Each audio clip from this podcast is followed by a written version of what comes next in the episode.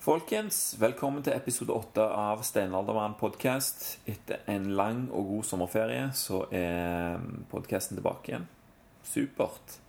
Ehm, denne episoden er jo da sponsa av barefootjuice.no, som for øyeblikket har litt av hvert på gang. Vi har massevis av eh, Innovate på lager, både sko for løping, crossfit, og vi har også nå fått inn ganske mye løpeklær. Alt fra kapser til hansker, tights, shortser. Løpesekker med sånn camelback-løsning og osv. I tillegg så er jo dette her eh, restevarer egentlig fra, fra, importøren, så prisene er sinnssykt gode. Så ta deg en tur inn og se om det er noe du trenger der eh, fra Innovate. Både sko og klær. Eh, vi har fått på plass eh, CrossFit Rebook Stash. Nano 4 er inne. Vi har T-skjorter, hoodies eh, og tights osv. både for damer og herrer. Så ta en tur innom og, og sjekk det ut.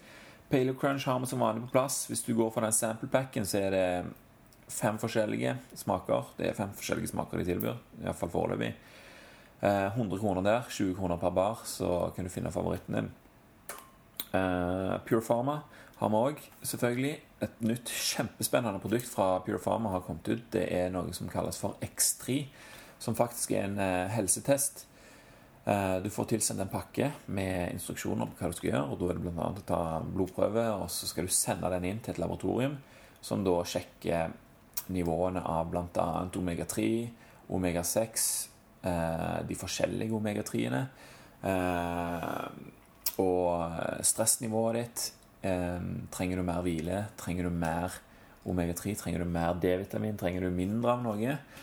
Uh, og du får òg ei lang, lang liste med, med tolkninger av resultatene, sånn at du lett kan se hva det er for noe du kan gjøre med kostholdet ditt for å liksom tweake det uh, litt. Grann, da. For eksempel så er jo Vi hører jo alle om at vi, vi må ta omega-3, og det er stort sett de uh, marine omega-3-ene vi må ta. Men det som faktisk viser seg, er at mange er lave på det plante-omega-3-en som heter ALA så kanskje er du lav på det. Er det det som gjør at du uh, At du henger litt etter? Eller kan du ta mer av det og få enda bedre resultater? Så ga inn på, på barefootjuice.no og les om uh, X3, Purefarm X3. Uh, enda mer informasjon er der på, på purefarmer.com sine sider, så les om det hvis du ønsker å tweake treningen din enda mer. Steinaldermann kaffe den har vi jo òg selvfølgelig på plass. Det er jo en kaffe som er lagd av eh, meg og oss i barefootjuice.no i samarbeid med Stavanger Kaffebrenneri. Inspirert i utgangspunktet av Dave Ashbury sin Bulletproof Coffee. Eh, men samtidig så er det òg tatt et litt sånn eh, kaffe... Ja, hva skal vi si Kaffenyterperspektiv på det. Eh, kaffen er fra Jørgachev i Etiopia, som er velkjent for sin veldig gode kaffe. Den er jo grodd på rundt 2000 meters høyde eh, i et veldig tørt klima, som gir veldig god kaffe. Og Bulletproof Coffee den er jo velkjent for at den er liksom fri for mykotoksiner.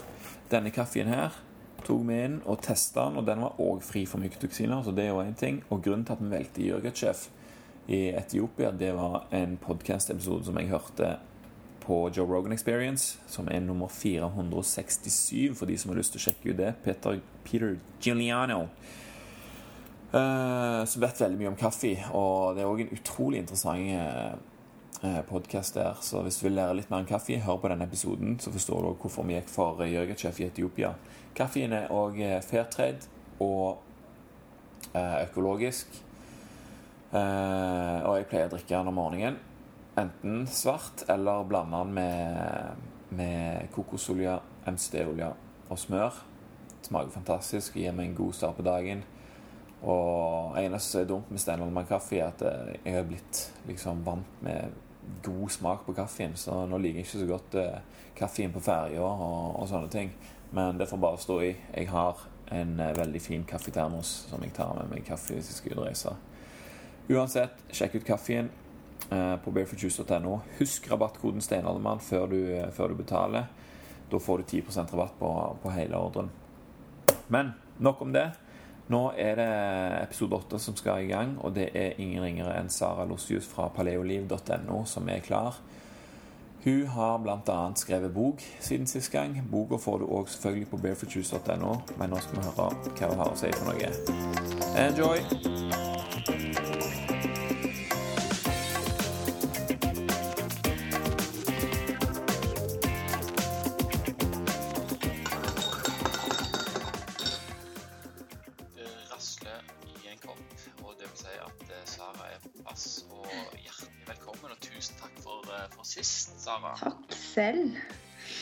Det er jo ikke så lenge siden, egentlig.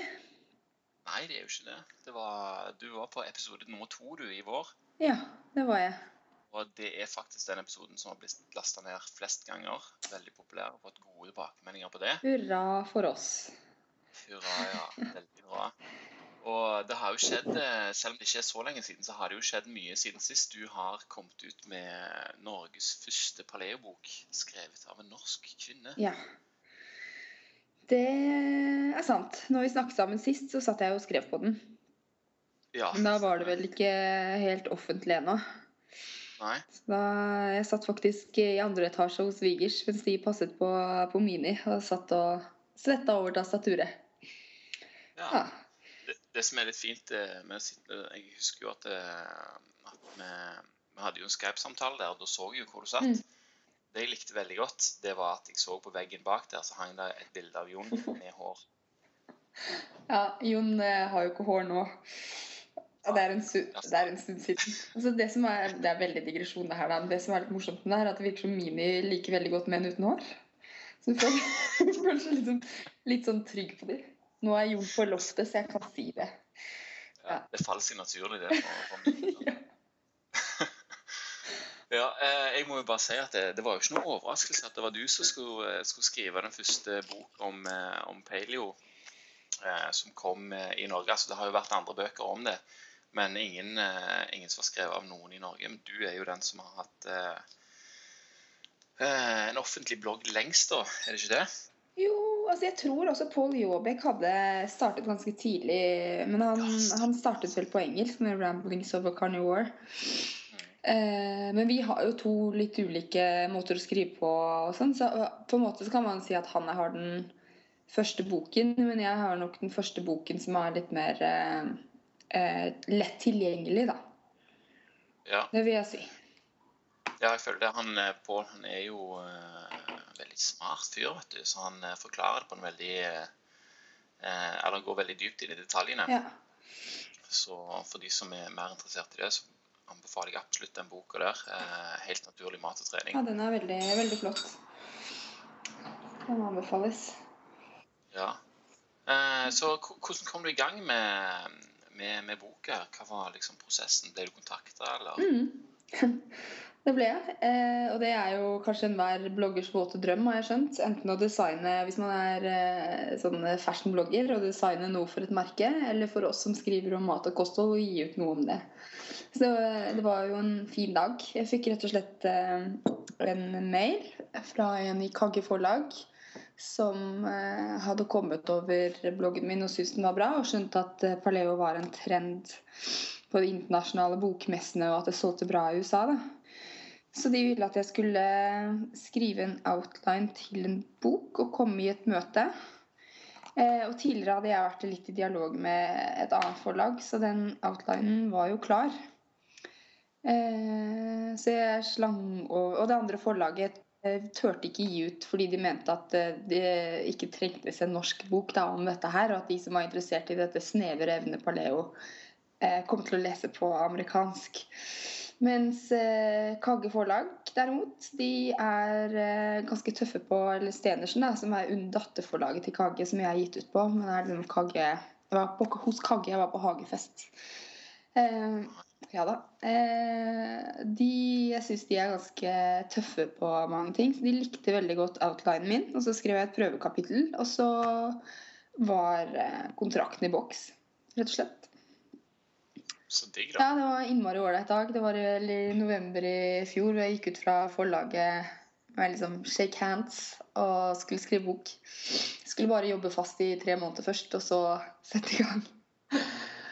Ja. Ja, hvordan, hvordan, var det da liksom skulle, skulle, forberede deg til å skrive en hel bok som du faktisk skal gi ut på et relativt uh, kjent og stort forlag? Uh, jeg syns bare det var innmari ålreit, jeg. Altså, jeg, uh, jeg hadde en så innmari detaljert bokbeskrivelse for meg selv. altså Omtrent skrevet opp som et mattestykke. da, Under punkt A så skal jeg skrive om A1, A2, A3. Under punkt B som var innmari nøye. Så det hjalp at jeg ikke mistet fokus og ikke rotet, for mye, eh, rotet meg for mye bort i eh, ting som kanskje ikke passet inn. da. Men det var jo eh, For jeg jobbet jo jobben min i Når var det? Desember, januar og februar. Og så visste jeg at jeg hadde deadline i mai. Så det var jo en litt sånn For jeg orket ikke på den tiden så ammet jeg jo på natten ennå og pumpet meg på jobb for å få melk til Mini og sånn når Jon var hjemme i pappaperm. Så det liksom begrenset mye jeg greide i tillegg til fast jobb. Så boken er egentlig skrevet fulltid fra 1. mars til 1. Eh, mai, da. Men uh, Så ca. to måneder fulltid, og så var det klart? Ja. Jeg må jo bare si at uh, jeg likte veldig godt å, å bla litt i, i, denne boka. Det minte meg litt om når jeg uh, når jeg leste den første Paleo-boka som jeg leste, den uh, Paleo Solution. Mm. Dette er jo på norsk, og det er forklart veldig bra. Og det er jo tatt med mange flere ting her som ikke er med i Paleo Solution, for f.eks. Og jeg tror at uh, den sånn bok for noen som ikke har hørt om det før, eller som så vidt har vært innom noen blogger og lest litt, sånn, at det passer helt perfekt for å, for å skape en viss uh, rutine i hverdagen. Mm. Det er kult å høre. Ja. Det skulle bare mangle. Du har vært kjempeflink. Jeg er veldig fornøyd, altså. Det er ikke sånn at jeg går og skammer meg når jeg ser eh, boken i bokhylla eller eh, på Instagram hos folk som har kjøpt den. Ja, for det er jo ikke bare det at du har gitt ut ei bok, men han har jo solgt ganske bra òg, etter hva jeg har forstått. Ja, han er på bestselgerlista i Norge. Det er ganske kult. det er skikkelig kult, altså. Ja, det, er helt, det var veldig overraskende. Jeg havnet jo der første gangen pga. jeg har solgt så bra forhåndssalg, da. Og så datt den ut i uke nummer to, to, men så kom den inn igjen i uke tre, og det var veldig kult. For altså eh, Boken min er ikke kjøpt inn sentralt. så Det betyr at ikke alle bokhandlerne har den. Så man må jobbe liksom hardere med salg og PR og sånn for at bokhandlere skal kjøpe den. Og, så de andre, mange av de andre som er på den bestselgerlisten, ser jeg jo i alle bokhandlere. Så det er veldig, det er veldig kult å havne på lista likevel. Da. Og det gjør at eh, flere tar den inn, og den blir eksponert for flere, og forhåpentligvis at salget opprettholder, og flere får lest om paleo. Mm. Klart. Så uh, disse to månedene, hvordan var liksom prosessen? Hvordan, uh, altså, du sa jo du var veldig nøye med å sette opp, uh, sette opp hvordan du skulle skrive og sånn. hvordan, hvordan var en vanlig arbeidsdag når du skulle skrive en bok? Mm. I tillegg til den ganske detaljerte outlinen, så hadde jeg grei tidsplan. Med da eh, så hvilke Fordi eh, jeg tok jo ulønnet mammaperm ikke for å skrive bok, men for at vi ikke hadde barnehageplass, og for å henge litt mer med, med Ellie. Men når man skriver bok på fulltid, så kan man ikke ha eh, en kid. Så hun var hos dagmamma to ganger i uken, og så var hun hos svigers to ganger i uken, og så hadde Jon henne i helgene. Så jeg var sammen en gang i uken sånn en hel dag, da. Så jeg jobbet de aller fleste dagene.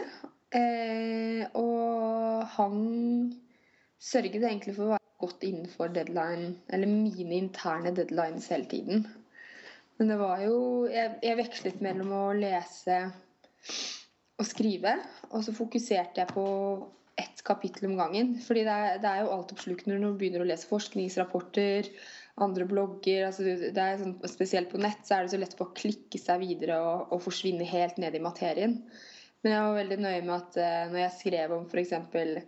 teorikapittelet om karbohydrater og, og, fett og sånne ting, så var det bare karbohydrater jeg eh, eh, dyppet ned i den dagen. Da. Selv om jeg hadde lyst til å komme borti alle andre temaer.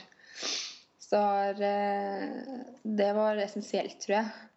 Men det var jo Så sto jeg og jobbet for det meste, sånn at, fordi man skal jo ikke sitte for mye. så, jeg, så jeg laget en sånn ståpult uh, i vinduskarmen. Og så prøvde jeg å få inn litt trening midt på dagen, enten eh, utendørs eller hjemme. Og så drakk jeg sånne eh, hippie-smoothies til lunsj for å få litt ekstra energi. Jeg var veldig nøye Altså- også med kostholdet, da, sånn at jeg skulle ha jevn energi. Ja, altså hjernen den, eh, den blir jo trøtt den òg etter hvert. Absolutt. Men eh, Ja, jeg, eh, bare for å avslutte, så er det jo altså Noe av det beste jeg vet om, er jo eh, å lære ting og gjøre research. Jeg vurderte jo en doktorgrad i sin tid, men jeg var ikke så innmari interessert i å ta en doktorgrad i, eh, i nation branding, da, som jeg hadde skrevet master om. Så det å kunne skrive bok Jeg har liksom eh, blanding av de to beste tingene jeg vet om. Eh, å lese og også formidle. Så jeg koste meg jo Selv om det var litt sånn tidvis stress og frustrerende, og sånne ting, så var det jo sabla ålreit. Jeg gjør det igjen. Du gjør det Ja, igjen. gjerne. Så gøy å høre, da. Ja. For altså, Jeg vet jo sjøl når, når jeg driver og leser og klikker og, og ser på artikler, og sånt, så, så ser jeg jo ok, de har referanser. Av og til sjekker jeg referansen, av og til gidder jeg ikke. liksom, og Det som du sier, du bare klikker deg videre og, og ser og ser og, og lærer og lærer. Og så gjengir du eh, sånn ganske greit det sånn du har forstått det, liksom, hvis det er noen som spør, eller hvis du skal forklare det til noen. Men her må du jo være supernøye med at det skal være helt korrekt, dette her som, eh, som du forklarer. da. Så jeg kan se for meg at det var litt annerledes enn hvordan jeg gjør det daglig. Ja, det var jo det. For eh, I bloggen min så skulle jeg gjerne hatt tid til å skrive noe mer referanseposter. Og, men eh, i hvert fall nå som jeg er tilbake i full jobb igjen, så, så går ikke det.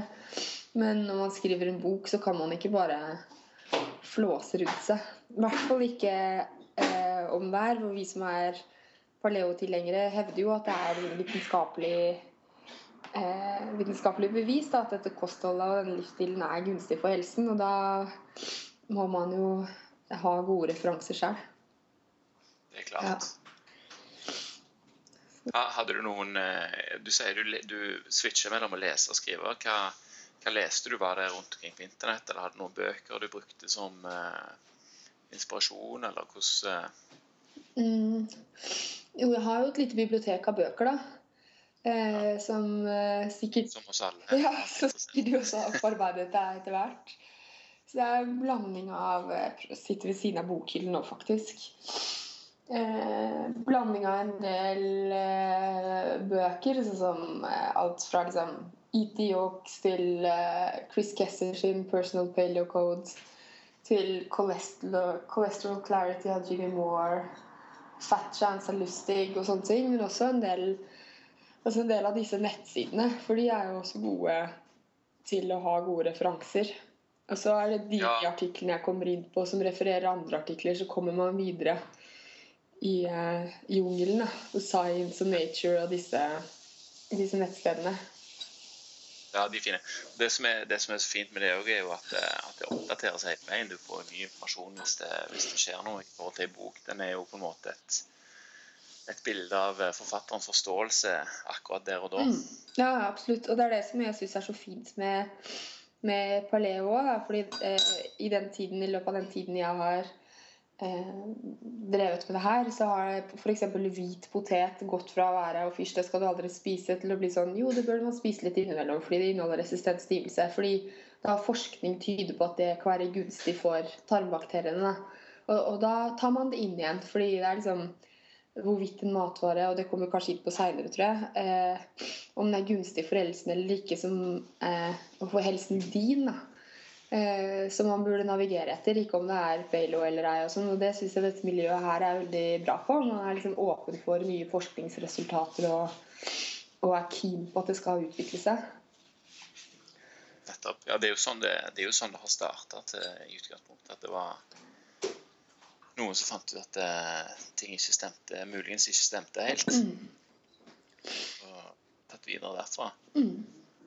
Lært, du lærte vel sikkert mye nytt uh, i løpet av, uh, Ja. av den tiden du skrev? Ja, jeg må jo, må jo innrømme det. Ja, det gjorde jeg.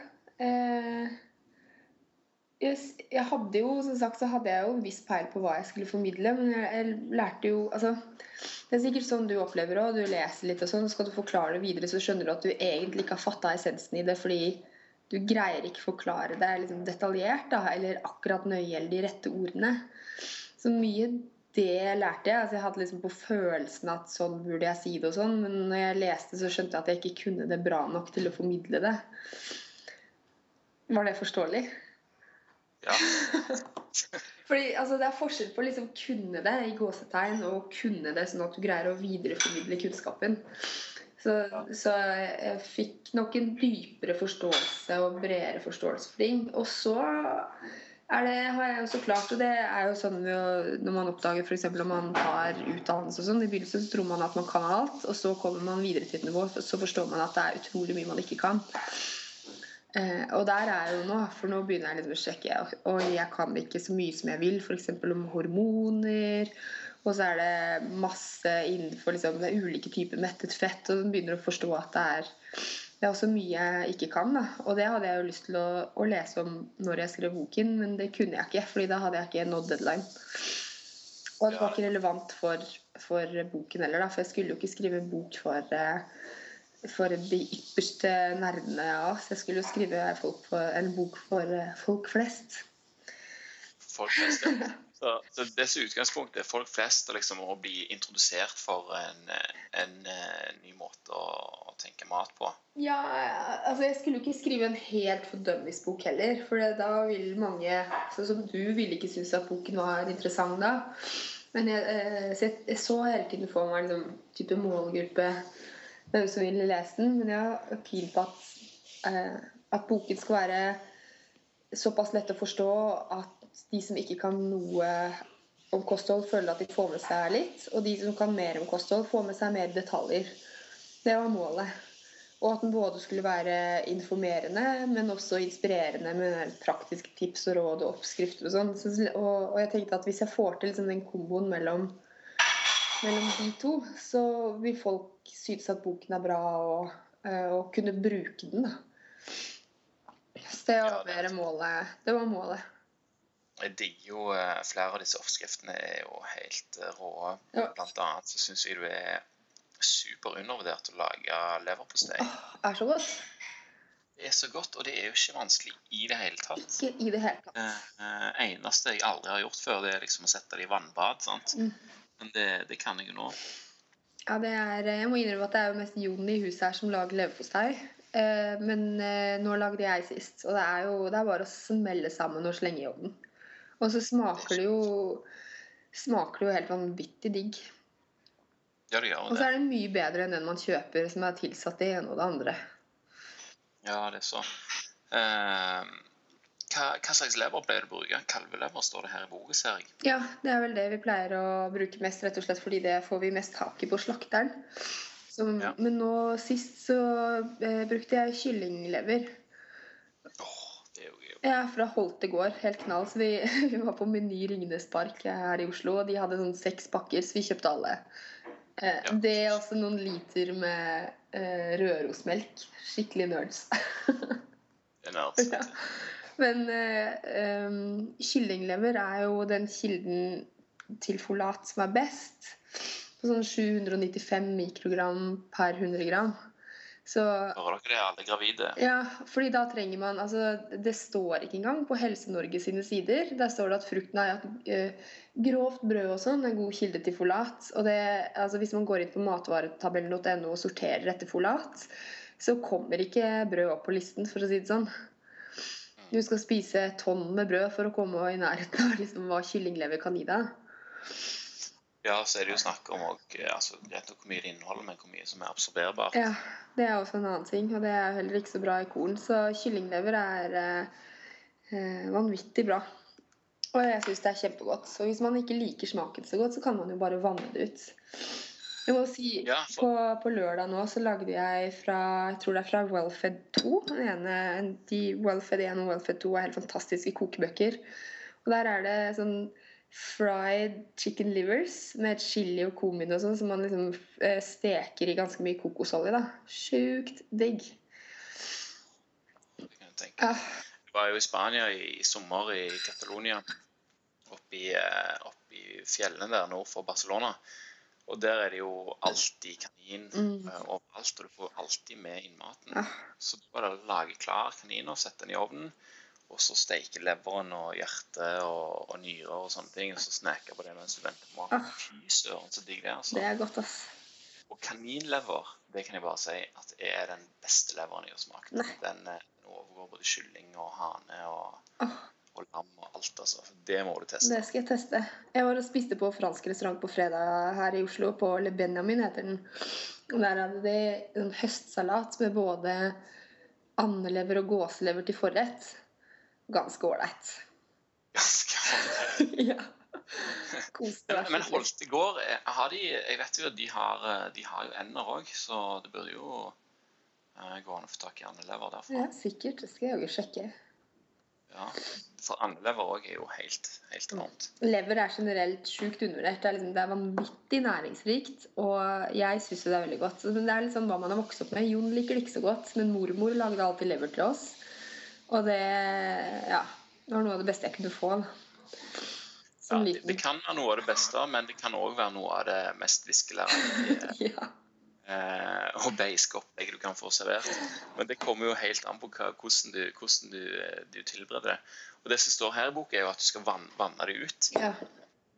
Eh, og da forsvinner litt av den der lever, eh, leversmaken. ja. Jeg Jeg har også hørt at det går an å, å legge det i eddik, at det også skal hjelpe. ja, Det kan sikkert. Og så er det noen som legger det i melk, vet jeg.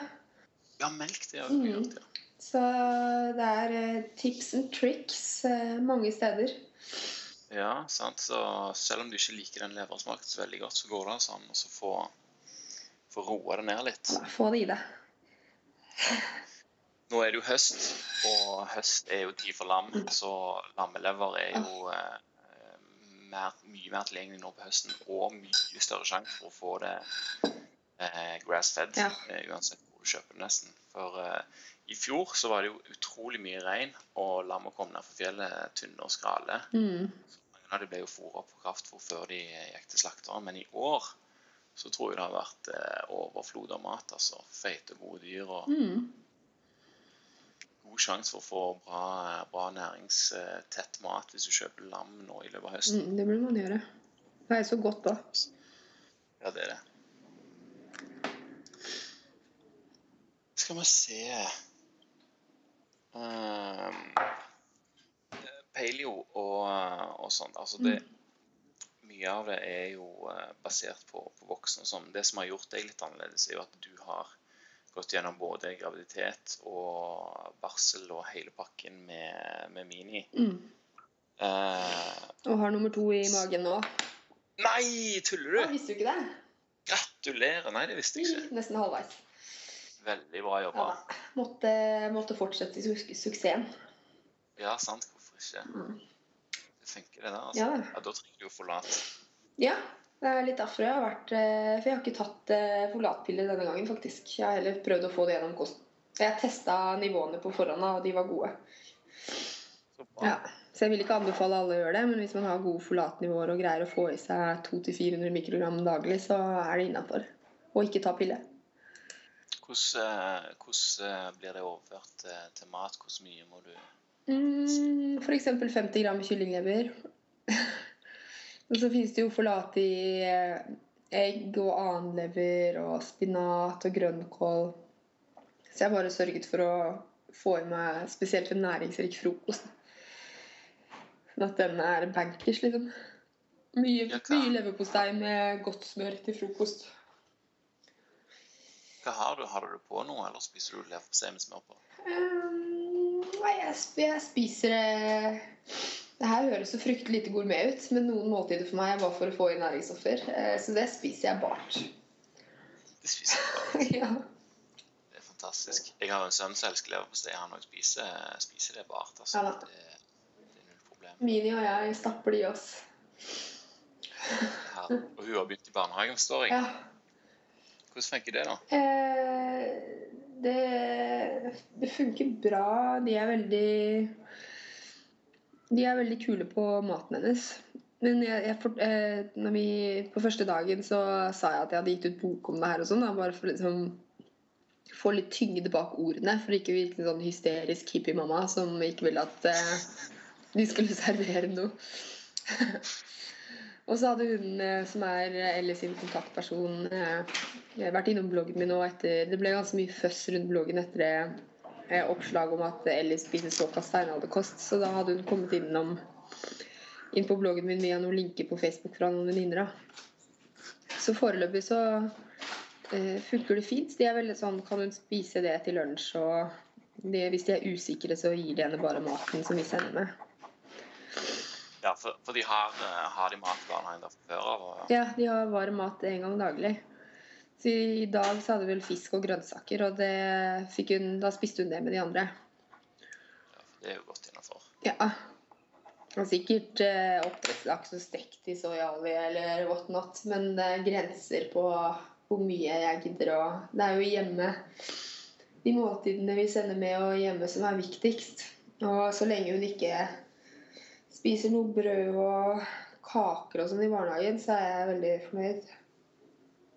Ja. Rett og slett. Det er jo det som er det, som er det største problemet. Det er jo margarin og skiver og mm der. Men uh, man kan liksom ikke vinne alle kamper på en gang. Nei, vi kan jo ikke det. Og det er jo klart at uh, Jeg har sagt det mange ganger før òg. Første gang jeg hørte at melk kanskje ikke var bra for deg, eller skjev var usunt og sånt, jeg ble jo ble direkte provosert og irritert. Men mange år senere så fant jeg ut at dette her stemmer jo. Og nå spiser jeg jo verken brød eller drikker melk. Mm. Så, så, du er jo på en måte den en, eh, en, av de mest offentlige personene med tanke på paleo i Norge. og Du får sikkert mange reaksjoner, både positive og negative. Hvordan, hvordan funker det? Hvordan eh, er det å få mm. kommentarer om uh, hva er det du holder på med, og stakkars barn og dette her greiene? Nei, det, det tenkte jeg litt på før jeg ga ut boken. Men det eh, bryr meg ikke et sekund, altså. jeg Rett og slett litt overraskende. Men jeg tenker altså Jeg står fjellstøtt i det valget jeg gjør med mitt, eller for meg. Eh, og også for, eh, for Ellie. Altså, jeg, jeg, kan såpass mye om mat at jeg vet at hun ikke lider av noe næringsmangler, eller at jeg, at jeg mishandler henne siden jeg ikke, ikke gir henne grøt. Og så, så altså Det jeg blir litt sånn oppgitt av, er jo sånn derre internettroll som bare lirer av seg drit, liksom. Da får jeg lyst til å bare altså, skaffe dere et liv eller noe sånt. Men eh, jeg har greid å styre meg. Så, sånn, eh, det var en som mente at jeg liksom drev forskningsprosjekt på eget barn. Og sånn, og da tenker jeg sånn altså At man burde holde seg for god for det. Men hvis kritikken hadde kommet direkte liksom, på Ellie eller eh, eventuelt på meg sånn eh, fy søren for en stygg unge, eller altså, noe sånt noe. Da hadde jeg eh, sjekka IP-adressen og litt sånn, tror jeg. Ja, Jon kan vel litt sånn datating og Ja da. Så jeg tar en sånn Tanja Harling. Nei da. Eh, jeg skal ikke det, jeg lover. Men eh, nei, jeg, jeg syns, altså, det jeg syns er fint med at det ble så himla mye bajas rundt den saken om hva vi gir Ellie, er jo at det blir satt økt fokus på det. Fordi det må jo bli debatt rundt kosthold når jeg går ut og sier at eh, grøt med tilsatt mineraler er kanskje ikke det, man, det som er det gunstige. Eller mest gunstige, da. Altså, fordi selv om jeg eh, ikke ser ned på noen som gir barna sine det, eller noe, så er det jo mange som føler at tærne blir godt tråkket på. Fordi alle gjør jo det beste for barna sine ut ifra liksom, den kunnskapshorisonten man har. Og jeg er sikker på at flere hadde valgt som oss, hadde vi hatt mer kunnskap om det. Men man får ikke høre det fra helsestasjoner, man får ikke høre det fra leger, man får ikke høre det fra noen eh, magasiner. Og man får en reklameblekke fra Nestle når ungene er seks måneder. Altså, det er ingen steder man får høre at det er helt greit å ikke gi ungen grøt. Og da skal det litt ekstra interesse for kosthold og ernæring å gå utenfor det alle andre gjør. da. Og det er det jeg håper å liksom bidra, bidra, med. Altså se at det fins andre valg enn eh, grøt med banansmak. Ja, for eh, det syns jeg du gjør en kjempegod eh, god jobb med. Og det ser du jo. altså Det er jo ikke bare negative Det er masse fint. Og massevis av støtte òg om Mm. folk som, som tenker, tenker i, i samme bane. Å ja, og det er Og veldig liksom- fint. Ja, sant? for Hvis du er voksen og du har hatt problemer med kosthold, og du, har, og du får det bedre med å, med å endre på ting, så er det jo helt klart at du vil det for, for ungene dine òg. Mm. Og jeg leste denne her Er det, er det naturlig er det naturlige blitt unaturlig, den eh, posten som du hadde her for ikke så lenge siden? Ja. Og der, der er det jo et bilde av sant, bananpannekaker og er det noe, er det noe kjøtt? Eller fisk. Men sant, rødbeter og blåbær, epler og druer altså Det er jo helt, helt normal mat Mm. eh, som er næringstett og, og har absolutt mer enn nok av det som, eh, det som trengs for at de skal klare seg gjennom dagen. Mm. Og eh, det er jo et alternativ i forhold til det som andre altså De andre klarer seg gjennom dagen, de òg, men eh, gjerne eh, Mini klarer seg på en bedre måte, eller at hun har, har det bedre pga. At hun får den maten som hun får. da. Ja, Det er jo det det handler om. altså For foreldre, iallfall. hun virker å trives. Men det som også Det som vi også diskuterer litt her på hjemmebane, hvorfor kanskje folk ikke eller altså En av grunnene til at vi gjør det, er jo fordi eh, vi er jo vi er ikke noen latsabber. Vi jobber jo absolutt hele tiden, både jeg og Jon. Men, men eh, vi syns det er innmari enkelt at vi lager mat, og så spiser Ellie det. Ja. Vi slipper liksom å lage altså Vi lager jo litt egen mat til henne, for hun spiser oftere enn oss og må sende med i barnehagen. og liksom der, men, men hun får ikke noe egen meny. altså I dag til middag så hadde vi restemat med noen hjemmelagde fiskekaker og noe høyrygg som hadde langtidsstekt i går. Eh, og noe annet da? Eh, ja, litt av hvert av rester. da Og så tar hun bare det på tallerkenen, og så spiser hun liksom Spiser hun det. Og det er kjempegreit. Bare dekke på til tre personer, selv om hun er 17 måneder. Og så skjærer vi opp i biter, og så driver hun for å spise hun selv. Så da spiser hun selv med gaffelen og innimellom prøver å herpe bordet. Ja. Ja.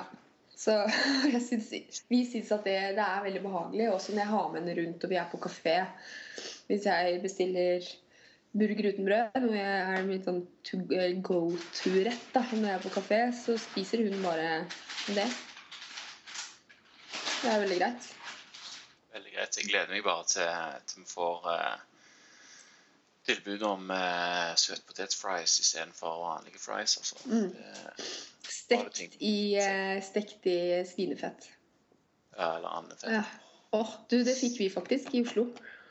Gjorde du ikke det? Ja, ja. Vi spiste kyllingvinger stekt i andefett. Jeg og Jon. Det var helt sjukt godt. Det kan tenke meg. Altså. Det er helt noe annet iallfall enn eh, poteter stekt i soya eller, eh, eller uh, veldig sunn solsikkeolje. Eh, Det smaker annerledes, eller mye bedre, og så blir jo ikke kroppen herpa av det. så ja. Så eh, Men sant, du har jo holdt på en god stund nå. Mm. og hvordan, Vi var litt inne på det, men hvordan er det liksom stilen har endra seg i løpet av, av årenes løp? Hva sa du? at Hvordan stilen, eller? Ja, stil, altså Paleo-stilen, hva, hva spiser dere? Hva, hva liksom forandrer seg? Og, hva, og hvorfor har du gjerne valgt å ta noen, noen nye ting i forhold til det som du ikke valgte å spise før? og sånt? Mm, Det er ganske, det er bra spørsmål, for det har jeg tenkt å skrive en bloggpost om. Fordi eh, Det snakket vi jo litt sist gang òg, at jeg er liksom bekymret at folk tenker at jeg må være perfekt paleo fra dag én. Hvis ikke skal den bare være det samme. Hvis jeg er opptatt av at liksom, eh, babysteps er også eh, skritt, da. Så i, eh, i begynnelsen, f.eks., så spiste jo jeg og Jon veldig mye konvensjonell kyllingfilet, f.eks. Og det Det, det begynte jeg med sjøl òg. ja, og det gjør jeg ikke nå. Det, det er helt uaktuelt. Nå kjøper jeg stange eller holtekylling. For det meste stange siden det er på vår lokale Rema 1000. Eh, og i, i begynnelsen var det konvensjonelle egg. Nå kjøper vi egg rett fra bonden fra en bondegård i Stange. Eh, skikkelig jovial dude. Eh, kona òg. Og så eh, Gris kjøper vi aldri mer i butikken. Det kjøper vi fra Øygarden, får fisk og flesk. Så vi har rett og slett eh, endret eh, kjøttvaner, da. Det er et stort skritt. Og så eh, koker jo kraft jevnlig. Det gjorde vi ikke før. Og eh, jeg ser også, og det har jeg tenkt litt på hvorfor, men jeg spiser mye mindre karbohydrater enn før. Men jeg tror det er fordi jeg ikke trener eh, crossfit fem ganger i uka, liksom. Så jeg har ikke Kroppen min har ikke det behovet. Ja, så du klarer deg lenge med med litt karbohydrater, eh, bare som vanlige grønnsaker da, og fett og protein, rett og slett. Ja, for jeg virker å reagere litt på frukt nå om dagen. Så magen min er litt mer sensibel nå som jeg er gravid. Da. Men eh, jeg spiser eh, Til frokost eksempel, så spiser jeg ikke karbohydrater som regel. Jeg spiser bare fett og proteiner. Og så spiser jeg mer carbs i løpet av dagene. Ja. Det vet jeg ganske mange som gjør. Det funker bra for liksom, forbrenning og energinivå og søvn på kvelden og sånn. Så det, i hvert fall, det funker jo nå, da. Han spiser egg som regel og ost til frokost. Det funker som en kule for han. Og så hva annet, da? Er så rett og slett mer opptatt av så opptatt av eh, eh, opprinnelsessted til dyrene og kjøttkvalitet, som kraft. Mm, jo, altså jeg spiser fortsatt litt sjokolade innimellom og, og sånne ting, men før så For noen år siden, så I den forrige jobben min, da, så var det en sekretær som satte frem sjokolade hver fredag. Og da spiste jeg alltid sånn sykt mange biter. Sikkert en hel skål. Mens nå, hvis jeg spiser, så holder det med én til tre biter. Og så har jeg ikke lyst på mer. Så det er også en prosess som har gått veldig langt. Altså, det er sikkert noen som sier at jeg ikke burde spise det, men ja, ja. Man er ikke helt perfekt, sikkert. Eh, så det er jo Det er vel de største endringene. Og så er det sikkert noen små ting som jeg ikke legger merke til. Da. Men eh, jo, det er rett og slett mer økologisk og sånn. Da. Ja. Og det, det, det, du sa, det, det liker jeg så godt å snakke om. For altså det å, å, være helt perfekt, sant. Altså Hvis du ser OK, eh, nå skal jeg gå over til paleo, du må ha økologisk, og du må ha eh, fjellfôra eller gassfôra ditt og datt, og, og, og, du må kjøpe det fra en lokal bonde, men du kjenner ingen, og alt det liksom. Det virker så sinnssykt overveldende. Mm. Men, eh, men, som du sier, sant? Altså, du begynner et sted. Du begynner med å luke ut eh, matvarer som du ikke tåler, eller som, du, som ikke er så gunstige. Og derfra så føler jeg at eh, interessen for mat eh, begynner å ta fatt, og at du da begynner å oppsøke mer informasjon, og at det er informasjonen som gjør at du har lyst til å ta andre valg. At det kommer av seg sjøl etter hvert. Absolutt. Det er ikke noe å stresse med. Og Det er derfor jeg også skrev i boken min det der at at det er flere innganger til paleo. Du trenger ikke ta en sånn paleo challenge på 30 dager, men at du kan begynne med å kutte ut en og en matvare, eller endre på ett og ett måltid. Og at det, de veiene der er like bra som å bare hoppe rett i det cold turkey. Og så var jeg også eh, tror jeg har fått fram i boken det der at liksom, du trenger ikke velge økologisk og sånn med en gang. Eh, fordi da tror jeg at Jeg vil ikke at terskelen til å endre kosthold skal være så høy at folk fortsetter med det gamle. Da er det mer at de går sakte inn i det, og så etter hvert så begynner jo ballen å rulle. For folk merker at de er i bedre form, at de går ned i vekt uten å egentlig eh, gjøre noe for det, at de sover bedre, at de kanskje er mer fertile, huden blir bedre, presterer bedre på trening. Og når man oppdager sånne ting, så er man keen på å endre ting videre. Det er nettopp det. Ja. Altså, noen endringer kan du ta, og hvis du, hvis du gjør det, og, og, og, du vet at det, det, er ett skritt videre, på en måte mm. altså hvis du, hvis, hvis du er vant med å spise kylling og pita, da, for å si det sånn mm. eh, Hvis du da bare spiser kylling og salat, mm. sant, så er jo det ett skritt på veien. Absolutt. Og, og, du begynner å bli vant med denne eh, måten også eller for kroppen, da, å, eh, behandle eller eh, ja, fordøye de makro eh, næringsstoffene, så kommer du liksom mer og mer interessen for mineraler og vitaminer og sånt etter hvert. Absolutt. Som du vant med å ta som kosttilskudd. Mm. Ja, det kommer, det kommer, og det, det er så viktig å bare For det er vel litt det jeg er opptatt av, og du og de fleste i det miljøet vi er i, er at det er jo ikke en diett. Fordi sånn som eh, når man skal slanke seg, så liksom gå på 1300 kalorier, eller du må trene så og så mye, eller spise under 30 gram carbs eller noe, da lærer man jo aldri eh, egentlig noe veldig mye om mat. Bortsett fra at man navigerer etter hvorvidt en, en matvare har mye kalorier eller lite karbohydrater. Og man lærer ikke noe heller ikke å kjenne etter. Nei, det er det som er så viktig. fordi når du etter hvert lærer å kjenne kroppen din, så styrer du unna innmari mye mat. Fordi du veit at det her liker ikke kroppen min, eller jeg kommer til å bli oppblåst, eller jeg kommer til å sove dårlig, eller jeg får kviseutbrudd, eller altså jeg får hoven mage og ser supergravid ut. Det gidder man ikke. Men, og det er jo en prosess å lære det, men det har noe med at paleokosthold og den den livsstilen og det miljøet vi er i, handler jo hele tiden om å jobbe med kroppen og ikke mot. Altså, hvis du ender opp med liksom, sixpack, så er det flott, men det er ikke sixpack som er målet. Fordi Hvis man ønsker sixpack, så kan man gå på bekostning av helsen de luxe. Og, og det i det lange løp er innmari negativt både for, uh, for psyken og for kroppen din. Så Det er det jeg syns er så unikt med, med paleomiljøet og det jeg prøver å formidle i boken. At liksom, liksom fokusere på helse og gode råvarer og spise næringsrikt og bygge opp kroppen sin, så kommer alt det andre. For det har det gjort for meg, det har gjort for deg, det har gjort for veldig mange av leserne mine, det har gjort det for mamma. Altså, det er så mange jeg ser veldig positive endringer i bare å liksom fokusere på at jeg skal bare spise bra mat. Sørge for å sove nok og trene ikke for mye, men ikke for lite. Så kommer resultatene liksom omtrent gratis. da. Ja, det er nettopp det. Så, så lærer du noe, så lurer du på noe i forbindelse med det. Så sjekker du gjerne det opp, da, siden du er i ferd med å bli interessert i emnet. Mm. Så de som eh, har lyst til å grave dypere i forhold til det som står i boka di, det er jo bare til å sjekke referansene og Ja, jeg er veldig glad i Chris Cressers sin nettside. Syns, Ja, han er fin fyr, ja, altså. jeg syns han har et utrolig bra syn på kosthold. Og så er jeg jo veldig glad i de Balance Bites-damene. altså Real Food Liss og eh, hun andre har skiftet nettadresse, jeg husker ikke. Også for de som er mer interessert i sånn kvinner og hormoner, så er det Paleo for women. Det er også veldig velskrevet og god.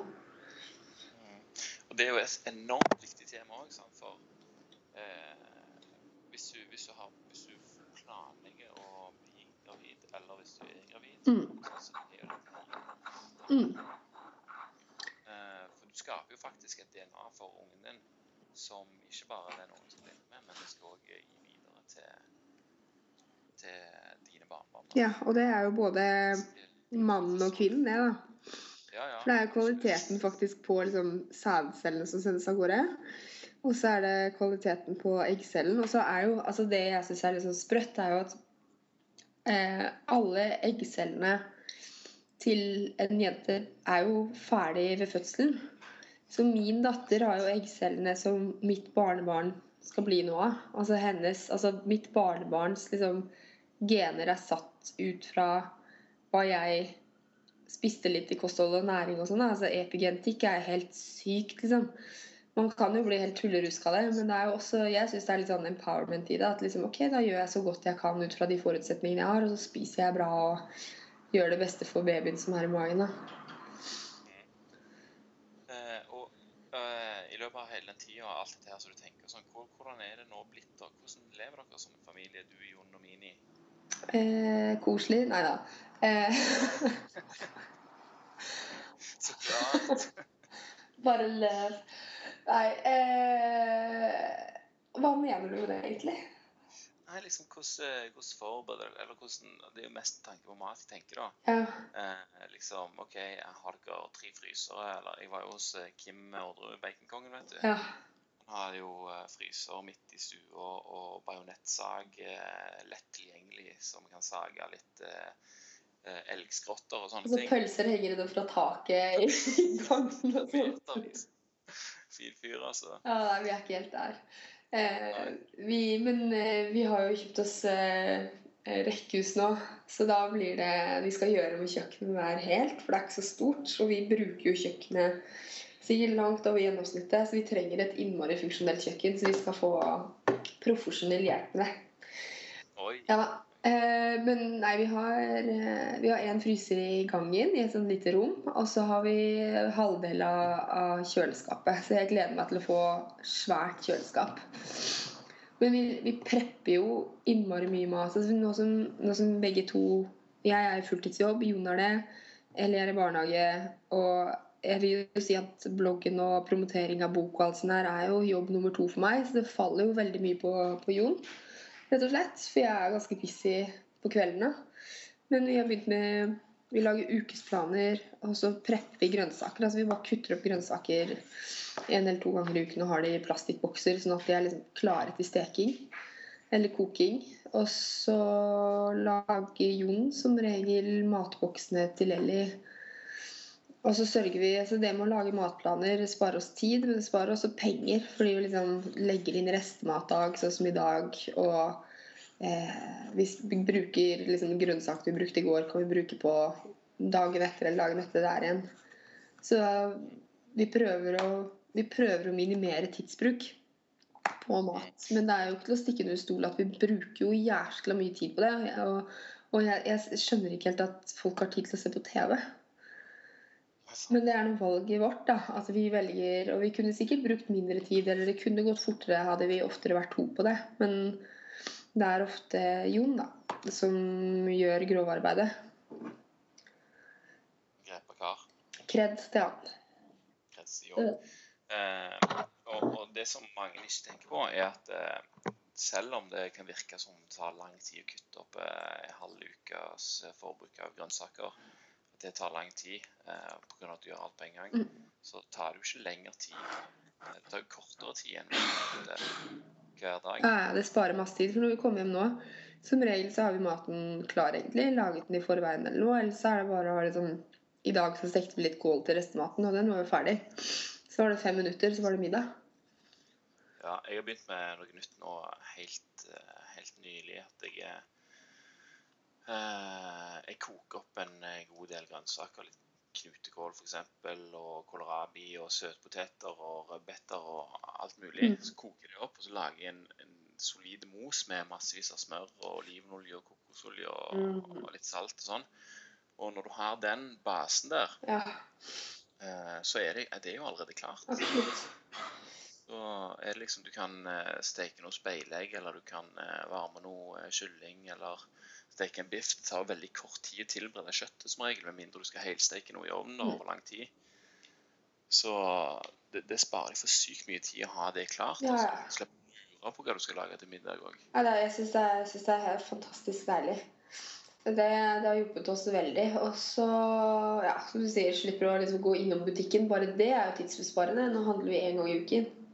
Kanskje Ja. to, liksom. Og det, vi tar opp ting fra fryseren og lager større batcher og fryser ned til busy dager og Så det er Jeg syns, eh, selv om vi liksom bruker mye tid Jeg brukte vel halvannen time eller noe på søndag på å kutte grønnsaker og, og lage litt mat og sånn, men uh, vi har jo ikke brukt så mye tid resten av uken. Nei, du sparer det lett inn. Ja, jeg gjør det. Så det er Spesielt det med å gå på butikken. Altså de, altså, de fleste går på butikken hver dag. Og så uinspirerende, vet. Herregud. Ja, og så Det er jo det. Og så ser du nå hva skal jeg ha i dag. Kylling, svin eller laks eller storfe. Ja. That's it. Ja. Omtrent. Nei, det er ikke ålreit. Så det er mye bedre å bare rett og slett ha, ha det klart. Ja. Og da gjør det at vi kan henge på lekeplassen eh, til halv seks. Så er det middag og legg. Veldig greit. Kjekkere det. Mm. Eh, eh, grønnsaker, eh, det er jo en eh, liksom ferskvare og litt sånn vanskelig å Jeg vet ikke eh, Spare nyplukka rødbeter til våren, liksom, og sånt. Eh, eh, hvor får dere grønnsakene fra? Vi er medlem av kooperativet her i Oslo. Men vi er ikke Som er en økologisk eh, lokal eh, som henter en pose en gang i uken da, på mathallen. Men i det siste så har vi ikke vært med der rett og slett fordi man vet dagen før eller noe hva man får. Og vi prepper jo og lager liksom våre matplaner. Så det har ikke passet inn å plutselig få, få en knutekål eller få noe annet eh, crazy. Så Hva skal jeg gjøre med denne her? Ja, er jo bare kaste. Jeg har ikke hørt om det før. Vi fikk, eh, I fjor så fikk vi sånn svartrot eller noe. Vi bare Hva er det her? Og det var, og så var det Jeg husker ikke om det var svartrot eller noe. Det var sånn rar rød- nei, gulrotaktig form. Og så skrelte vi den, så var det sånn hvitt slim liksom, som kom fra den rotfrukten, som bare var dritklissete. Smakte, ja, smakte helt fantastisk, da. Men vi visste jo ikke hva det var, så det var en veldig fin måte å utvide horisonten på. Men vanligvis så kjøper vi det eh, på Rema 1000 her i nærheten, eller på Kiwi som er rett ved òg. Og begge de to har et OK utvalg av økologisk. Ja. Så vi kjøper økologisk det vi finner, og det vi ikke Og da er det som regel av kjøtt og det som inneholder mer fett, er liksom det viktigste å kjøpe økologisk. Og så får resten skure og gå litt. Ja. ja. Ja, så igjen så handler det jo om å gjøre det beste ut av, eh, ut av det vi har, og, og gjøre det bedre enn det vi hadde gjort. Absolutt. Og jeg skulle gjerne hatt tid egentlig til å kjøpe litt mer fra bonde og sånn, men det tenker jeg får komme når vi har flyttet og er ferdig med å selge leiligheten og litt sånne ting. For det har vært så mye nå, og da blir det liksom Da prioriterer man jo. Så klart. Mm. Uh, nå når dere får, eh, får rekkehus, har dere noe hage da, eller? Ja, eller vi har liksom eh, Det er eh, veranda, og så er det hage, og så er det sånn platå, eller platting, nederst. Så jeg tenker å sette mye svære krukker, jeg. Mm. På hagefesten til Kagge så kom jeg i prat med to ganske kule damer. Som hun ene levde av bare å drive og plukke ting i naturen, som hun selger til liksom Maemo og sånne ting. Jøss. Ja, ja. Og hun andre, hun lagde, har lagd eller et eller annet, en bok om liksom spiselige pynteplanter. Så Ja, for det er jo absolutt en, en idé. altså. Hvorfor skal du ha eh, roser, liksom? Altså, roser er jo fint nok, det lukter godt og alt sånt som det, men eh, spiser du ikke. Nei, ikke sant? Så jeg tenkte å kombinere Altså ha rett og slett eh, spiselige pynteplanter som du kan ha sånn, det er sånn urter på en måte, eller sånne ting. Så bare ha mye urter og, og disse spiselige pynteplantene. Jeg vet ikke hva slags planter det er, da, for jeg har ikke satt meg inn i det, men det er jo tydeligvis noen. Ehm, og ja, Så jeg gleder meg bare veldig til hage. Skikkelig, liksom. Ja, eh, har, Dere skal flytte nå, og vi har òg flytta faktisk til Sauda. Og dere har sjuk utsikt. Ja, det er deilig. Ah. det, Altså. Det, det er herlig å kunne hvile øynene sine litt på, på fjell og fjord. Altså. Ah. Det må jeg bare eh, si at eh, det er annerledes enn å, enn å bo i byen. Ah. Eh, men vi har jo en ganske solid hage, så har vi noen høner og sånt. Og vi produserer jo matavfall, sant? så kompost det er blitt mitt nye hjertebarn. Altså. Jeg eh, forbereder meg sinnssykt mye til, til våren når jeg skal ha skikkelig eh, grønnsakshage og drivhus og hele pakken. Eh, for kompost, det, det er genialt. Altså, tidligere så har vi liksom dratt for å kjøpe jord, Mm. samtidig som vi har kjørt på, på, eh, på bosset med eh, hekk og hageavfall som vi hiver, liksom. Mens nå blir det å lage jord av alt hageavfallet, pluss den maten som vi ikke spiser, da. Det er jo genialt. Det tror jeg skal ta til etterretning. Ja, vet du hva, altså, det, det er helt fantastisk. Eh, Du må jo komme på en liten studietur her hvis du trenger. Gjerne. Helt så full gang nå at Jeg blir populær i nabolaget hvis jeg plutselig har noen høner klukker. Vi har jo hatt eh, har jo hatt en del høner og også kjøpt med kjøpt, eh, hver vår, eller hver vår, sier jeg, de to årene vi har hatt, så har vi kjøpt kyllinger på våren. Mm. Og du vet jo aldri om det er hane eller hva. Så haner er jo generelt sett upopulære i, i nabolaget. Ja.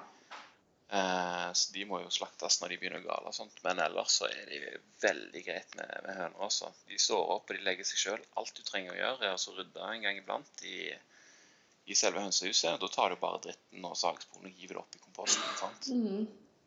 Og så eh, gir du dem mat og vann. Da. Så det, det er ikke noe forskjell på høner eh, eller katt. Og så gir de deg et egg. Det, det gjør ikke katter. De gjør ikke det. Nei. vet du. Eh, de gjør ikke det. Vi får vurdere det. Men det er sikkert noen katter rundt omkring som eh, Da må jeg, vi må bure de inne. Jeg, Ja, men det, det er jo faktisk, altså, vi fikk, eh, når vi fikk høner, så hadde vi, eller før vi fikk høner, så var vi så irriterte, for eh, når Ask var ute og lekte i hagen, og sånn, så var det liksom kattedrit her og der. og, og sånn som det, Men de har faktisk forsvunnet etter vi fikk høner. Så de er redde hønene. Ikke redde, men de er veldig sånn interessert på avstand. Mm. Så det er kanskje ikke så dumt, altså. Du blir kvitt eh, kåte hannkatter som markerer eh, seg i hagen, og andre katter så Den liflige duften av vår når det er liksom kattepiss på hvert hjørne. Ja, sant det. Ja. Spesielt eh, på hjørnet på bilen der når du skal ut. Ja, men det kompost eh, skal vurderes, altså. Det er en kul greie. Jeg skal, jeg skal holde foredrag eh, på Mathallen tror jeg 26. september. Det var sånn sju minutters kort foredrag om liksom paleo og, og forskningsbasert kosthold og helse og type ting. Jeg har ikke helt spikra foredraget ennå. Men der er det også noe du skal holde foredrag om. Det er en bedrift i Oslo som samler kaffegrut fra Oslos kaffebarer og lager liksom såpe og sånne ting av kaffegrutene. Det er helt helt fantastisk. De gleder meg til å møte. Man kan gjøre så mye med, med avfall annet enn å bare kaste det. Ja, for, for du hører jo alltid sånn Ja, nordmenn de kaster 25% av maten sin. Vi gjør det. Og, og liksom Jeg vet at vi kaster ikke mye mat, men når du, når du spiser eh, rene matvarer hele veien, så blir det blir jo kålrabi-skrell, og det blir en eh, broccoli-tupp, liksom. Og, og det blir jo litt avfall av de grønnsakene som du kjøper. Mm. Men de blir jo da jord for eh, neste års eh, grønnsaker, så det, det kan ikke bli mer eh, paleo enn det, spør du meg. altså. Men man trenger ikke begynne der for å endre kosthold. Nei, det trenger jeg absolutt ikke. Jeg begynte ikke med det, for å si det sånn. men jeg har blitt veldig interessert i det nå i det siste. i hvert fall. Det, det er kult å holde på med. Og en komposthaug kan jo faktisk eh, Altså, de gir jo faktisk varme, så jeg har planer om å lage et relativt stort drivhus eh, i forbindelse med garasjen min her. Og da skal jeg ha en gigantisk komposting inni den for å holde det litt varmere på vinteren, rett og slett. Ha. For det ligger mellom Det kan komme helt opp i 70 grader inni en kompostbinge. Eh, Men det, det er da det stopper å produsere varme. da, Så det pleier å ligge sånn 50-55 grader hvis du har god tilgang til, til næring og sånt. Du må jo skrive bok om det. Den boken Hel ved solgte vi masse. Nå kan du skrive noen Hel kompost eller noe. Kanskje ikke å Ja. selge i Norge den. Jeg det. Jeg skal, jeg skal absolutt i hvert fall jobbe med å skaffe meg mer erfaringer på emnet. Mm.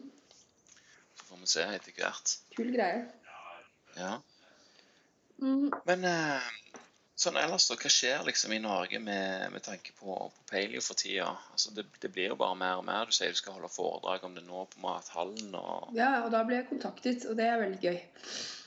Ja. Nå, det er rett og slett det som jeg ser nå for meg. Da. Det hjelper jo å ha gitt ut en bok, liksom, men det er jo mer at eh, At jeg ikke trenger å drive i så stor grad oppsøkende arbeid, fordi folk er interessert i det. Og eh, mange Altså, jeg tror ikke det er bare at liksom paleo er i vinden. Eller jo, det er nok i vinden mye fordi eh, det er en større interesse for eh, naturlig mat, hvor råvarene kommer fra, norsk mat. Så jeg treffer nok en sånn bølge av, av råvare og helseinteresse. Og så tror jeg veldig mange opplever at eh, det disse ernæringsekspertene sier, kanskje er feil. Kanskje det ikke er sånn at man skal leve på 1600 kalorier for å gå ned i vekt. Kanskje ikke det ikke er sant at man må liksom trene eller at den energibalansen som, eh, som man promoterer, kanskje den er litt feil. Eller kanskje man må endre kostholdet litt for å få bedre helse. Så det er mer fokus på, på det. Og, og det tror jeg er en eh, ja, bølge som min bok har kommet på. Og det gjør meg veldig gjør er veldig glad at det, er et, at det er et svakt skifte i samfunnet. Men det går jo tregt. fordi det er jo sånne artikler ennå her om dagen på en helsenettside. Jeg husker ikke om det var VG eller Side 2 eller noe sånt. Så er det sånn Alle vet at for å gå ned i vekt, så må man forbrenne mer kalorier enn man spiser. Her er de beste triksene. Og så er det sånn Spis fiber, fordi da føler du deg mett uten få kalorier. Og det er jo, det er jo de mytene vi slåss mot hver dag. Og det tror jeg tar en tid. Så de lever jo, men jeg tror det er flere som tenker sånn Åh, det er feil. Eller sånn hm, Kanskje det ikke er helt rett og er keen på å prøve noen andre. Noen andre mm, kostholdsretninger, da. Og det tror jeg ser mer og mer av. Altså Nå er jo bloggen min også blitt en eh, hva som kalles for en medium størrelse blogg. Med antall lesere. Nei, Det visste ikke jeg heller, men jeg så her om dagen at noen omtalte seg om det hvis de har mellom sånn 20 og 30 000 lesere i måneden. For det er det du har, altså? Det er ganske Ja, det begynner å bli ålreit, det, altså. Det er um, eh, veldig ålreit. Så nå er jeg liksom noia for å bli gjenkjent på gaten. Jeg er vel Jeg er innmari glad i å leve anonymt. Så, så det å ha bok eller ansiktet smelt ut på en bok, det var noe jeg var innmari skeptisk til. Men det er greit. Ja. Det, er, eh, det jeg går jo ikke rundt med fruktkurv, så jeg tror ikke folk kjenner meg. Gå rundt med en sekk med kraftbein og dele ut Ja da, ja da, ja da. sammen med autografene. Jeg har ikke fått noen sånne forespørsler ennå, heldigvis.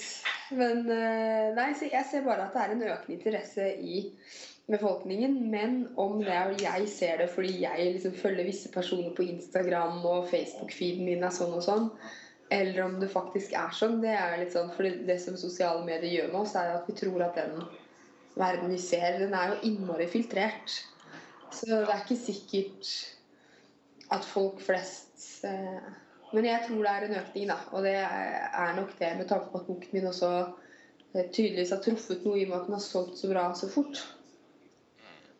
Ja, jeg er helt enig i Det er jo, det er jo noe som skjer. og Hvis du ønsker å stikke fingeren i jorda en gang iblant, så er det jo bare til å lese sånn som du sier, den tester på side to. Sånn, hvilken leverpostei er best, en magre. sant, og, og dette her så ser du jo at tilstanden er, ikke har forandret seg eh, på, på alle plan, liksom. Er speltlomper med mage, kesan og eh, karbonadedeig, liksom.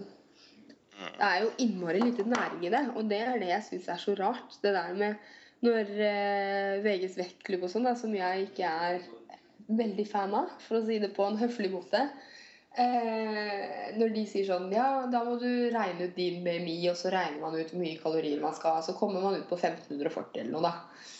Og, men jeg bare, jeg, jeg skjønner ikke hvis man starter dagen og å spise liksom rugsprø med magerost, og så eh, en teskje makrell tomat eh, til lunsj, eller for å være innom det, så skjønner jeg ikke Jeg fatter ikke hvordan man skal få i seg nok næringsstoffer. Så det bygger jo ikke opp helsen i det hele tatt. Og hvordan skal man få i seg de fettløselige næringsstoffene? Det er bare det er, eh, Og da tenker jeg at de som rådgir mot et sånt kosthold, at de ikke liksom ser ser at det er helt eh, på viddene, det de anbefaler. Hjertesukk der, altså. Ja. Eh, men sant, så har du jo kosttilskudd, da, sant, som er, er liksom alibiet. Altså, du må, du må spise sånn og sånn og sånn, men da må du jo faktisk ta kosttilskudd. Ja. Du er nødt for det for å, for å klare det. Hvis ikke så tærer det jo på, på det som du har. Det er jo det som skjer, at du tømmer kroppen for de næringsstoffene som bygd seg opp gjennom årene. Og der er det jo forskjell på eh, liksom sånn eh, korttidseffekter av det og, og sånn langtidseffekter. da. Fordi det å ha vitaminmangel vises jo ikke fra en dag til en annen. Det vises jo over tid.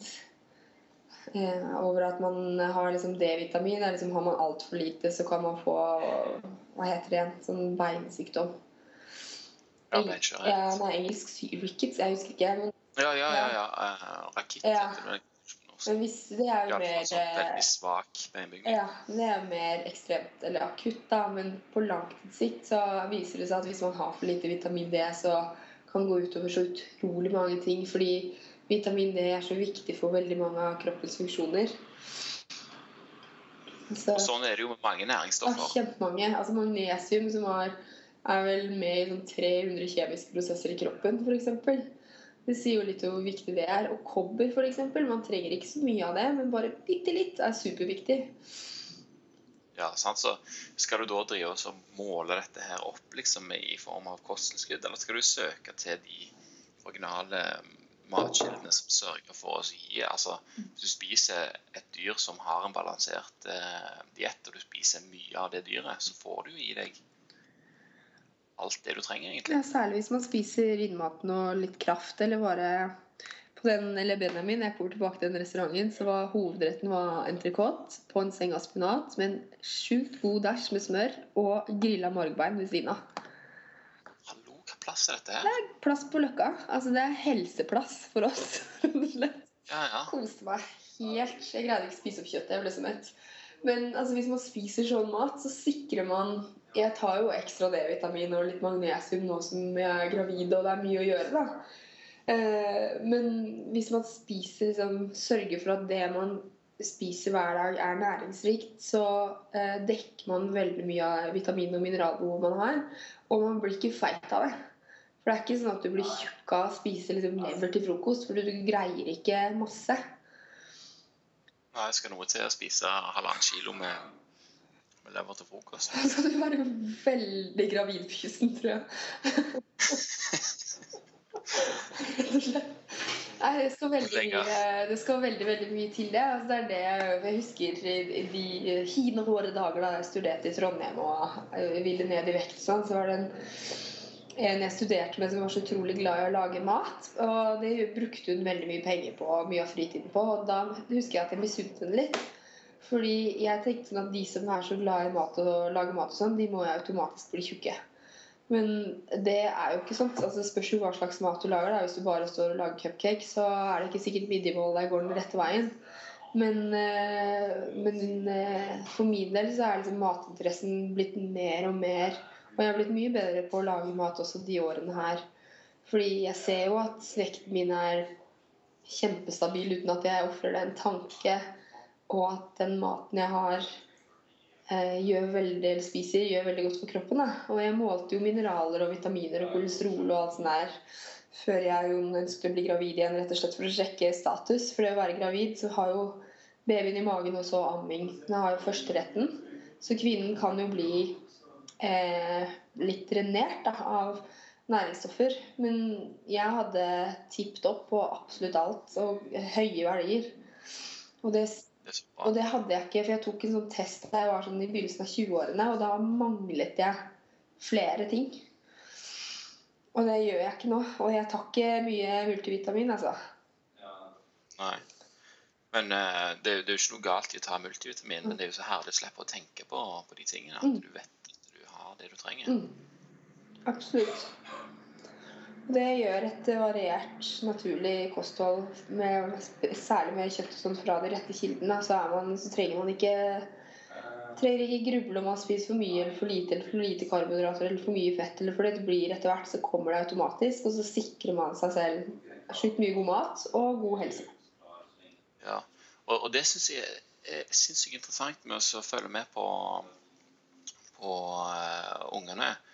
At eh, en dag så er de kanskje veldig sultne og spiser mye fra morgen til kvelds. Mm. Eh, mens andre dager så er de ikke så sultne, men de har liksom samme energinivå. Mm. De blir ikke eh, sure eller lei, eh, selv om de kanskje bare spiser bitte litt til frokost, når de dagen før spiste tre speilegg, f.eks. Mm. At eh, de er jo mye flinkere til å regulere dette her på intuisjon enn eh, enn det vi er etter å ha levd eh, ganske mange år og disse her eh, vanene med at du spiser frokost, lunsj, middag og kvelds, liksom. Mm. Eller at man må spise så mye eller så lite. Men jeg syns også det er veldig interessant med Eli. For vi, vi tvinger aldri henne noe mat. Vi styrer det helt selv. Vi ser, altså I barnehagen i dag så sendte vi henne med kylling f.eks. Og den hadde hun ikke rørt. Men når hun kom hjem, så gaflet hun i seg den. Og noen dager så syns hun søtpoteter er liksom helt sjukt godt, og andre ganger så rører hun det ikke. Hun styrer veldig eh, hva hun skal spise ut fra behov, virker det som, uten at vi helt veit det. da. Og når dere har presentert for hun eh, et bredt spekter av sunne alternativ, så er det jo ingen krise liksom om eh, om, eh, om det er litt lite en dag. nei, nei, det bekymrer meg. Jeg merker at hun ikke spiser så mye i hverdagen. Det er sikkert fordi det er ganske nytt og det er mange ting å se på, men det er jo desto mer på kvelden. Som regel. Jo helt, de Oppskriften på bananpannekaker i boken gir jo sånn eh, Det er jo hva er det, to bananer, tre egg og en spiseskje kokosmel. Eh, på lørdag så spiste Jon én pannekake og Ellie seks stykker til frokost. Så spiste hun to ett før hun sovna. Hun er 17 måneder. Vi bare Hva, skjer, liksom? Men eh, ja. Hun, eh, det gafler hun i seg. I dag så spiste hun vekk på lekeplassen. Da kom det en annen unge bort, og så ble hun tilbudt brød av foreldrene. Men det ville hun ikke ha, så hun spiste opp eh, Ellie sine bananpannekaker og pølser fra og gris. Jeg sa det var greit. Win, win. win. Ja. Det er fint at du, når ungene kommer hjem til foreldrene og sier sånn Nei, skal ha bananpannekaker med søtpoteter.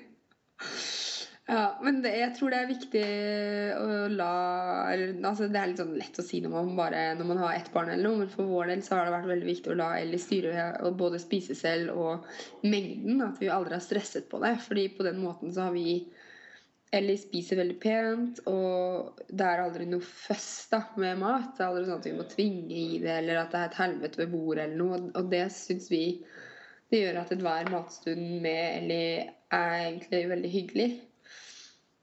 Og det gjør jo livet lett for foreldre. Det gjør jo det. Det er jo, det er jo sånn sett så er det jo egoistisk. Og det er greit. Ja, ja, men det, det er jo egoistisk. Men det er jo Det er jo både egoistisk og omtenksomt, vil jeg si. Mm. Ja, jeg syns, jeg syns hun er en heldig kid, da. Ja, ja. Det syns jeg òg. Jeg anbefaler andre folk òg å synes det. Og, og, og sjekke ut eh, bloggen og la seg inspirere. rett og slett, Og prøve litt nye ting. Eh, hvis du har litt tid, liksom bare, prøv noen av de oppskriftene og smak. og gå og kjøp noe som du ikke har kjøpt før. og sånt. Det, det er skikkelig gøy. altså. Mm. Og langtidsstek billig kjøtt. Så Det blir dritbra. Mm. Sa matnerdene. Ja. Men jeg tenker at eh, så for å bare avslutte med litt promo for boken min, så vil jeg si at eh, boken er nesten bedre å starte for nybegynnere enn bloggen min. For den har jo etter hvert noe som over 300 poster eller noe, så det er et mareritt å finne fram. Mens eh, boken er eh, eh, et godt stykke arbeid som gir en god intro.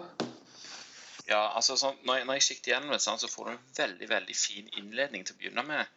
Eh, med tanke på de forskjellige eh, altså For det første protein og, fett og karbohydrater og sånn. Mm. Men så får du òg eh, ekstremt fine tabeller som du har lagd og, og lagt i boka, der, det, der du snakker om, eh, om vitaminer og mineraler og disse her tingene òg. Mm. Så har du oppskriftene, som er helt enorme for de som ikke vet hvor de skal begynne hen.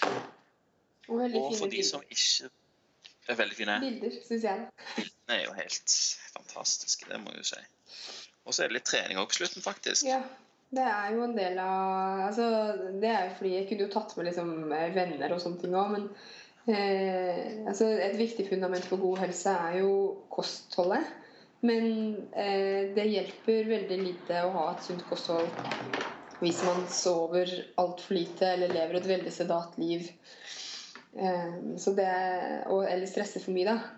Så det er den rett og slett den helheten, og det er også det som jeg syns er fint med paleo-bevegelsen, er at man ser hele tiden på en måte hele mennesket.